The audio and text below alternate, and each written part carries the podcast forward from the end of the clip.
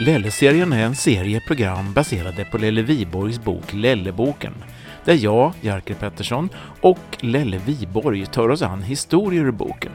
Boken kan köpas i Tyresö bokhandeln, nätbokhandeln och direkt från författaren själv på Lelle-sidan på Facebook. Lelle-serien hör du på Tyresö-radion.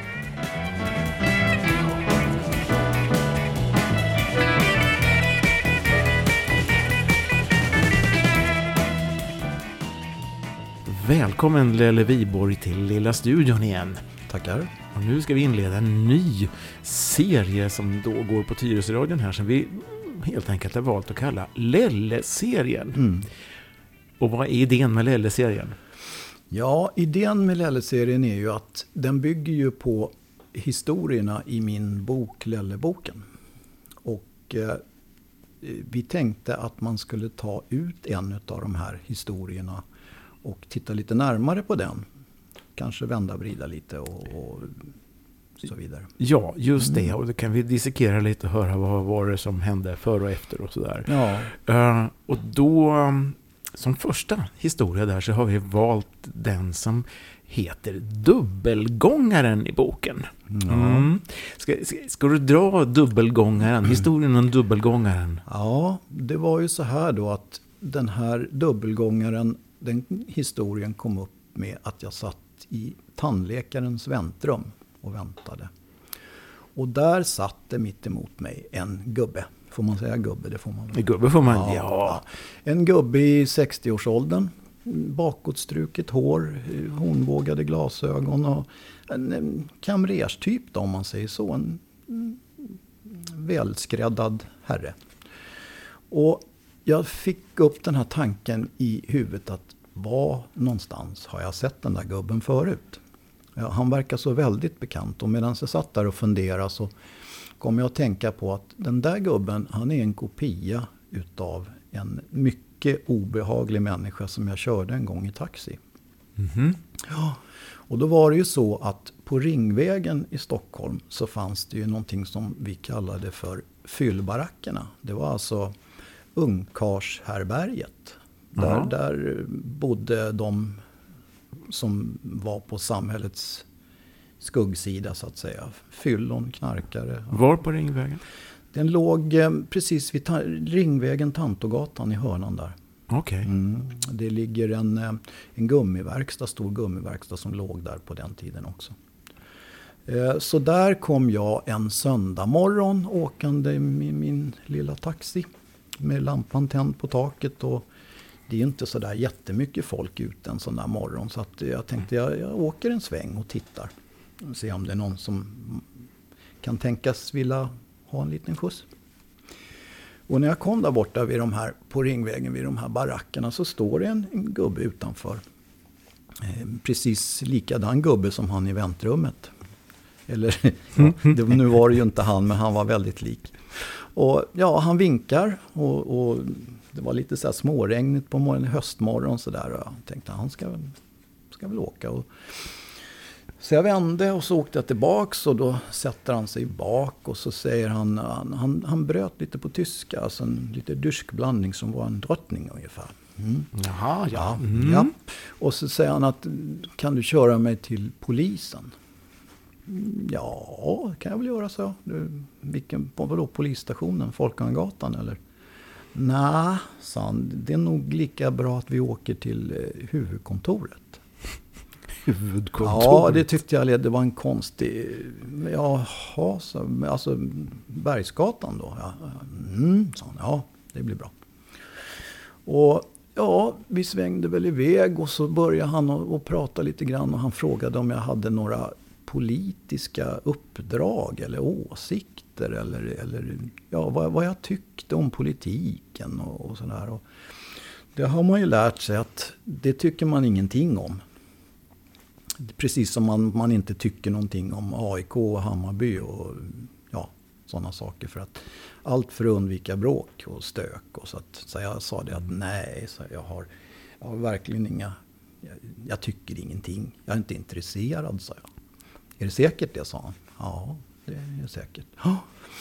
Så att, eh, sen kom vi upp till Bergsgatan och jag släppte av den här gubben utanför grindarna där. Och jag hade en läskig känsla egentligen. Jag, jag tyckte han var obehaglig på något sätt. Fast jag visste inte mm. riktigt varför. Mm. Och mm, det var väl inte så mycket mer med det och den här dagen gick. Och, och sen på morgonen, ja det var morgonen efter det, så skulle jag jobba igen.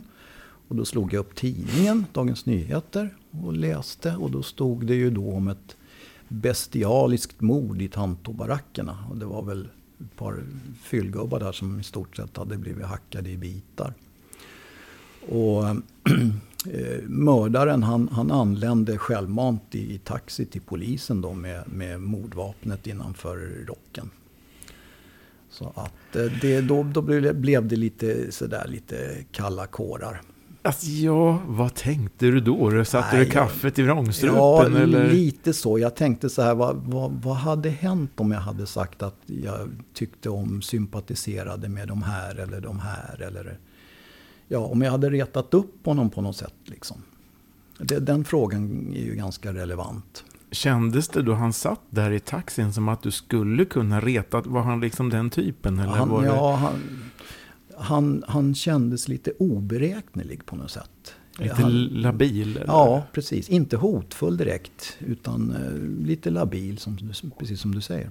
Och den resan, jag tänker nu då från Ringvägen och så åkte du över Västerbron då ja. och ner till Bergsgatan. Vad kan det ha mm. tagit? Ja, vad kan det ha tagit? En kvart. En Kanske. kvart någonting? Ja. ja. inte mycket mer. Men ni hann snacka lite grann i alla fall? Då? Ja, lite grann. Lite grann. Och, och ja, jag vet ju, i övrigt vet jag ju ingenting om honom liksom alls. Ja. Och, och, varför han nu hade gjort det här, det, det har jag heller ingen aning om. Nu Men, hade tidningarna spekulerat i att det handlade om någon form av politisk eh, schism av något slag. Och om det, hur mycket sanning det låg i det, det vet jag ju inte riktigt. Men eh, vet du hur det gick för honom sen då? Han, eh, om han nu åkte då till polisen och erkände ett mord eller flera, vilket det var. Uh, blev han dömd? Det vet du inte heller. Nej, Nej, jag vet ingenting. Och det skrevs väldigt lite om det här efteråt. Jaha, så lite tystat då? Ja, eller var det inte intressant? Jag eller? vet inte. Eller om jag helt enkelt missade hela efterspelet som skrevs i tidningarna. Men jag kunde inte hitta någonting. Ungefär vilket årtal rör det här sig om då? Mm. 70-tal. Alltså, ska vi se, jag började väl 74. Det kan väl ha varit 76, 77, 78 kanske. Mm. Du, jag tänker när ni då anländer till Bergsgatan där och ni har småsnackar lite grann och sådär. Inget mm. politiskt och så. Han betalade ja. korrekt och, och lämnade bilen och gick in genom portarna bara? Eller? Ja. Lugnt och fint? Ja. Och vad, i det skedet tänkte du då funderade du då på vad det kunde vara? Nej, jag ruskade lite på mig och tyckte att skönt att bli av med den där gubben. Det, det, tyckte jag, men i övrigt så... Ja, det är klart jag undrar ju vad han skulle där att göra egentligen. För att det där, alltså Bergsgatan, det är ju inget ställe direkt som man gör ett besök på bara sådär. Nej, Alltså jag, på den tiden var det då en polisstation klassisk? Där, Nej. Eller det var, det, det var liksom Rikspolisstyrelsen? Ja, eller? ja visst. Och, och, jag vet ju inte sen, det, det satt ju en vakt naturligtvis och, och, och, släppte in honom eller jag ropade ner någon eller någonting. Men det vet jag ju ingenting om för då hade jag ju redan åkt därifrån. Mm. Mm. Jag tänker också att eh, nästa gång eller kanske inte gjorde det, hämta upp någon på Ringvägen vid det här samma ställe? Eller har du gjort det sen, därefter? Nej, det har jag inte gjort direkt. Och, och, men det, det, fanns ju vissa, vissa ställen som inte var så kul att hämta på. Det var så? Att, ja, man visste ju att det, största risken var ju då att det kom ut någon som man egentligen inte ville, ville umgås Som med. kunde, kunde leda till bråk? Ja, eller? nej, inte, snar, inte bråk, men, men en massa stök och utebliven betalning och mm. tjafs. Mm. Liksom, eller att någon förorenar i bilen eller någonting sånt där. Mm. Men däremot så, så, nu är ju de här barackerna borta. Men däremot så har jag ju många gånger varit på den här gummiverkstan som jag nämnde förut. För att där var vi kunder. och då har man ju, medan de har fixat däcken på bilen då, då har man ju stått och tittat på de där barackerna och kliat sig i peruken och undrat hur... hur det var. Ja, precis. Men i det här fallet så var det alltså, var det, hur, hur många hade han mördat? Det vet du. Två, Två. Om, jag, om jag förstod saken rätt. Och, och två stycken, och, och, om, jag tror att det var alltså, så kallade fyllskallar då, då. Mm. För det var väl egentligen bara de som bodde där. Ja. Mm. Och det blev inte mycket skrivet om det helt Nej, enkelt. nej. Och nedtystat. Ja. Och allt det där påmindes du om när du fick se Ja, ko- ja. kopian där av ja honom. precis. Exakt. Nu såg jag ju vid närmare titt att det var ju inte samma gubbe naturligtvis. Men, men, och det är ju många år sedan så att han skulle inte sett ut så idag. Så du kunde lugnt sitta kvar. Jag kunde lugnt sitta kvar och vänta på att bergsprängaren skulle göra entré. och rota runt. Ja. Ja. ja, det var historien om dubbelgångaren ja. och vad som hände där. Så återkommer vi med fler historier i Lelle-serien här på Tyresöradion.